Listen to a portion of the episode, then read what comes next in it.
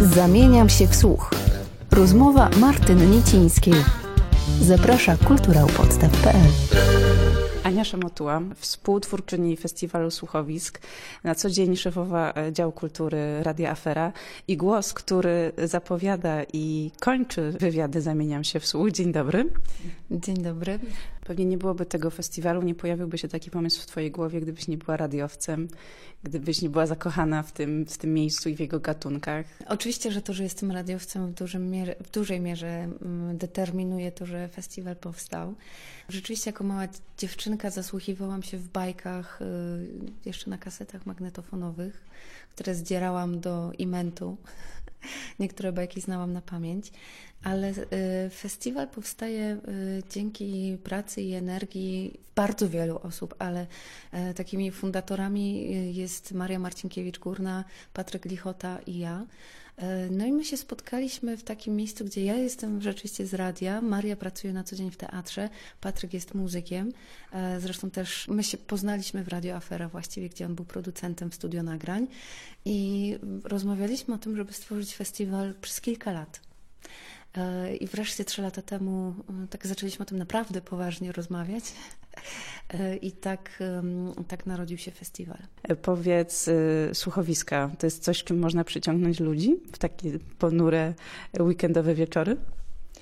Jesteśmy tuż przed y, ostatnią realizacją w ramach festiwalu, więc już teraz tak y, niejako z perspektywy przeszłości mogę stwierdzić, że tak, festiwal sam z siebie z roku na rok się rozrasta, bo to trzecia edycja.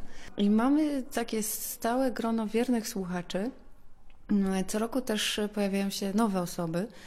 Jest to jednak dosyć eksperymentalny festiwal sam z siebie. E, słuchowiska radiowe jednak kojarzą nam się z radiem. E, my przenosimy tego typu twórczość do przestrzeni miejskiej, do przestrzeni fizycznej. Teraz rozmawiamy w bibliotece PTPN-u. Dokładnie, teraz rozmawiamy w bibliotece PTPN-u i e, tutaj odbywa się słuchowisko Nasturcja, czyli Wdowa Narodowa. Słuchowisko, które e, zostało zainspirowane postacią e, Marii Kasprowiczowej. Jest to słuchowisko Marii Marcinkiewicz-Górnej i Rafała Zapały. Też to, co jest bardzo ważne w festiwalu i właściwie jest takim spiritus movens, można powiedzieć, czy jakąś taką, jakimś takim kamieniem węgielnym może też, jednym i drugim tak naprawdę, e, to jest to, że my mm, co roku zapraszając twórców do współpracy, właściwie nie tyle my tworzymy, to same się tworzą takie grupy twórcze. W tym roku jeszcze poszerzone o scenografów. Zatem mamy aktorów, muzyków, kompozytorów, reżyserów, e, dramatopisarzy e, czy pisarzy czasem sound designerów, e, czasem foley artists. A możesz rozszyfrować to ostatnie? E, tak, e, foley artists to są imitatorzy dźwięku. To są te osoby, które najczęściej można zobaczyć chyba na starych fotografiach czy filmach kręconych podczas realizacji słuchowisk radiowych na samym początku. To są te osoby, które imitują kroki, trzymając w rękach kalosze albo właśnie robią szum morza, przesuwając ręką w misce pełnej wody. E, to są ci, którzy siekają kapustę, udając e, mm, szlachtowanie człowieka czy zwierzęcia. E, to jest cała taka mm, dziedzina wiedzy w ogóle, jakie, jakich materiałów użyć, żeby imitować jakiś konkretny dźwięk. Tego typu przykładem było też słuchowisko Kuby Kaprala Farma w zeszłym roku w Centrum Kultury Zamek. E, zatem nie tylko my chcemy e, wprowadzić ponownie właściwie słuchowiska i taki kult słuchania e, do miasta, takich inicjatyw pojawia się coraz więcej. Tak naprawdę bardzo dużo pracy za nami, teraz zwieńczenie, też są premiery, ale bardzo dużo czasu spędzamy na próbach, w studio, na nagraniach, muzycy czy kompozytorzy na komponowaniu, e, pisarze na pisaniu i to wszystko powstaje specjalnie na festiwal. E, mamy pięć pra-premier, czyli tekstów specjalnie napisanych na festiwal, muzyki specjalnie stworzonej na festiwal i aktorzy, którzy też, no to akurat siłą rzeczy, po prostu realizują z nami te słuchowiska od, od po prostu samego początku. Mieliśmy też w tym roku cztery realizacje dla dzieci i tutaj współpracowaliśmy akurat z Centrum Sztuki Dziecka, które udostępniło nam teksty, które zostały wyłonione w ramach konkursu na sztukę dla dzieci i młodzieży. Wasze zaproszenie przyjęli także aktorzy Teatru Nowego i Polskiego. To pewnie dla nich taka, taka ciekawostka, taka odskocznia, praca przy słuchowisku, coś, co nie na co dzień, czym nie na co dzień się zajmują.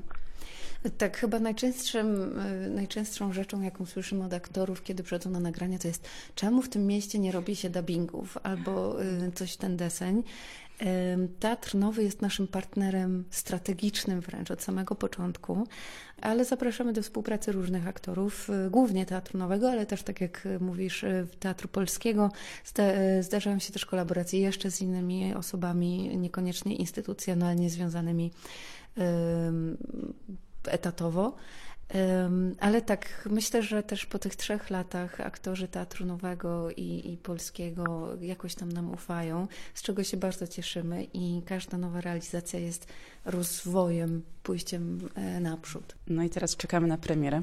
Idziemy do pokoju, który jest wypełniony kwiatami i taką zieloną poświatą. Janku! Janku!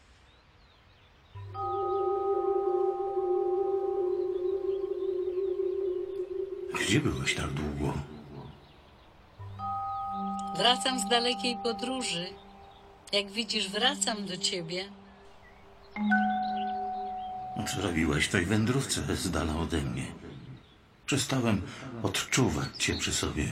W pustce szukałem twojej dłoni. Nie było jej? Musiałam odejść, znaleźć własną duszę.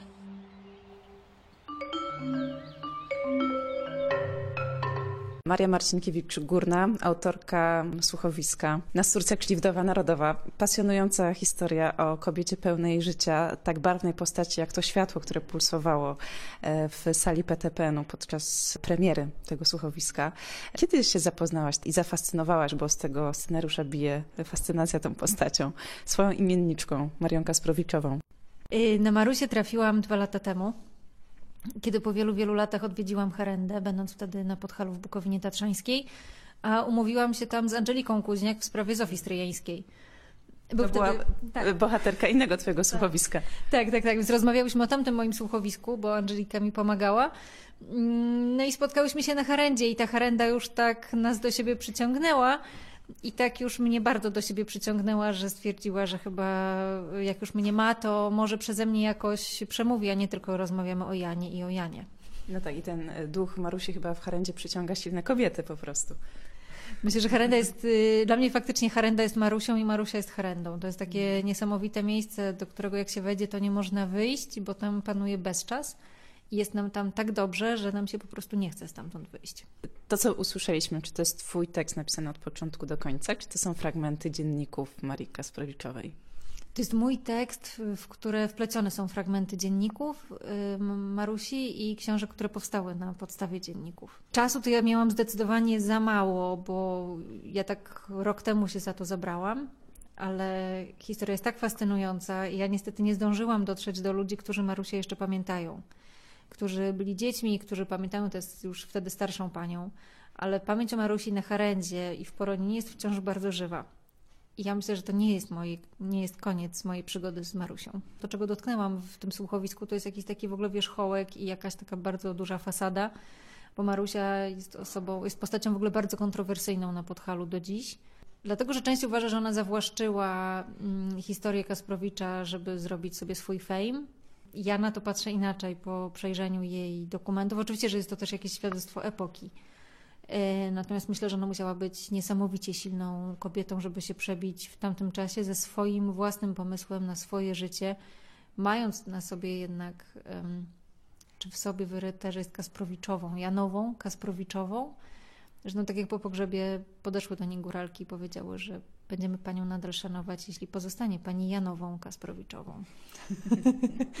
Więc trochę nie miała wyjścia, a z drugiej strony bardzo świetnie sobie potrafiła z tym poradzić i żyła naprawdę na własnych zasadach. Mhm. No tak, mówiła, że jej celem jest życie jakby samo w sobie i budowanie istotnych relacji. To przepiękny fragment, który trochę zniekształciłam teraz na, na pewno, ale e, tworzyła, no była zdolna i wieloma rzeczami się zajmowała, ale samo życie było dla niej takim sednem Tak, tak, że, że mm, to była taka kobiecość yy, niesamowicie asertywna, bo ona sobie też te relacje wybierała, które chciała budować. Natomiast potrafiła wejść w relacje bardzo głębokie, bliskie i, i tak ona nie miała swoich dzieci, natomiast wiel, z wieloma osobami miała relacje bliższe chyba nawet niż bywają niekiedy w rodzinach. A ty się czegoś od niej nauczyłaś? Coś ci dała ta postać? No myślę, że najważniejszy jest drugi człowiek.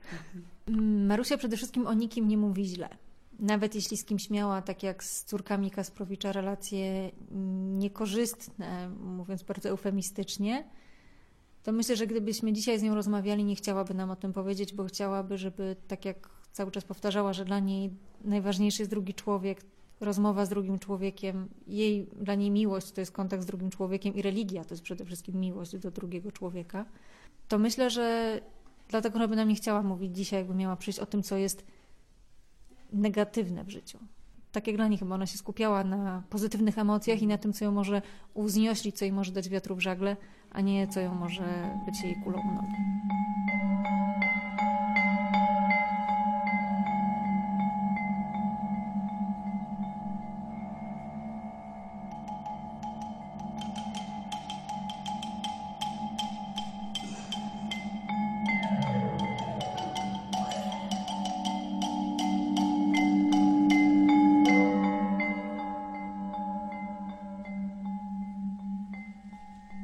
Moją religią jest miłość, relacja z drugim człowiekiem.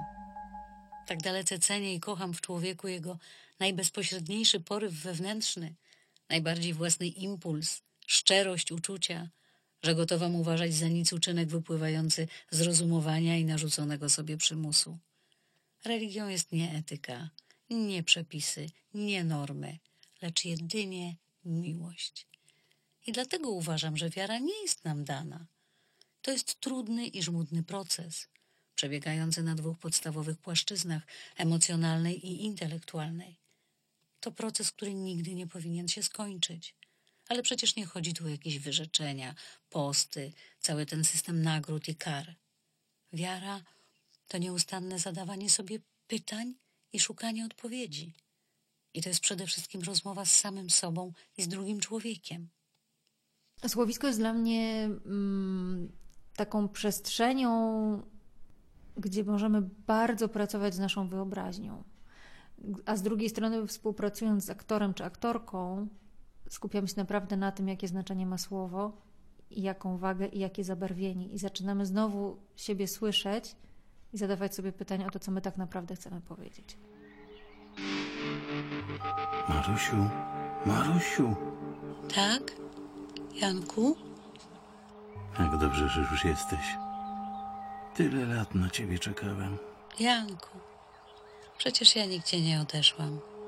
Zawsze byłam i jestem przy tobie. Teraz już na zawsze. Nie zawsze byłaś przy mnie. Sama musisz przyznać, że z czasem bywało cię przy mnie coraz mniej. Życie mi ciebie odbierało. Życie mnie tobie dało na zawsze.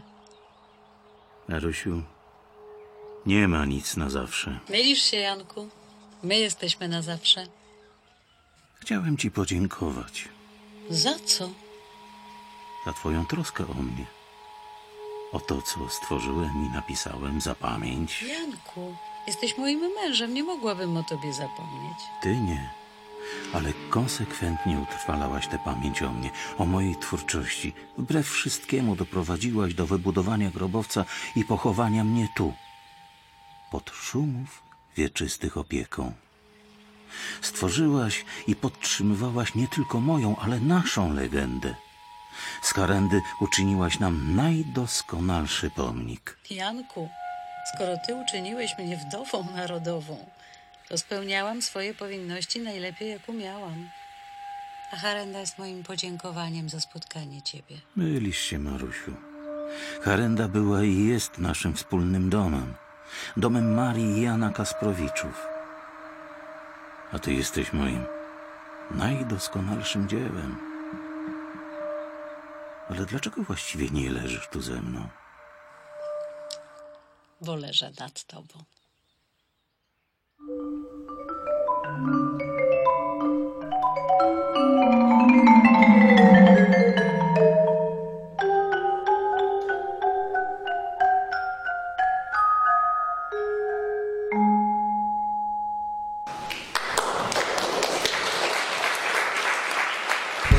Zamieniam się w słuch. Rozmowy Martyny Niecińskiej. Dostępne na kulturaupodstaw.pl